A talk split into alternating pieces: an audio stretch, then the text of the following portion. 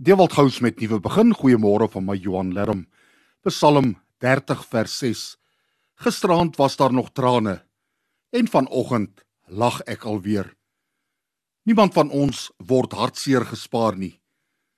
Net die afgelope tyd laat die derde variant van COVID-19 weer diep spore van hartseer in baie mense se lewens.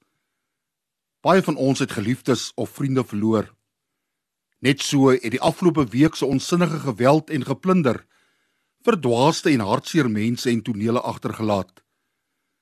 Die verlies van eiendom en dan veral lewe raak ons intens.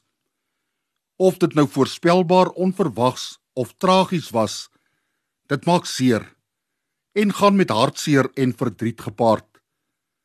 Volgens die Bybel is hartseer en verdriet deel van hierdie lewe. Maar die Bybel beloof dat hartseer nie die laaste sê het nie. God beloof troos en hoop in 'n toekoms waar daar geen hartseer en teleurstelling meer sal wees nie. Hy sal elke traan van hulle oë afvee en die dood sal glad nie meer bestaan nie. Ook hartseer of smartkrete en pyn sal glad nie meer bestaan nie.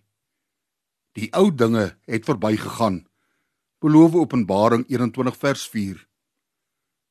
Vader help ons om te midde van die hartseer en verdriet van hierdie wêreld hoopvol en positief te lewe in afwagting vir die ewige lewe by U.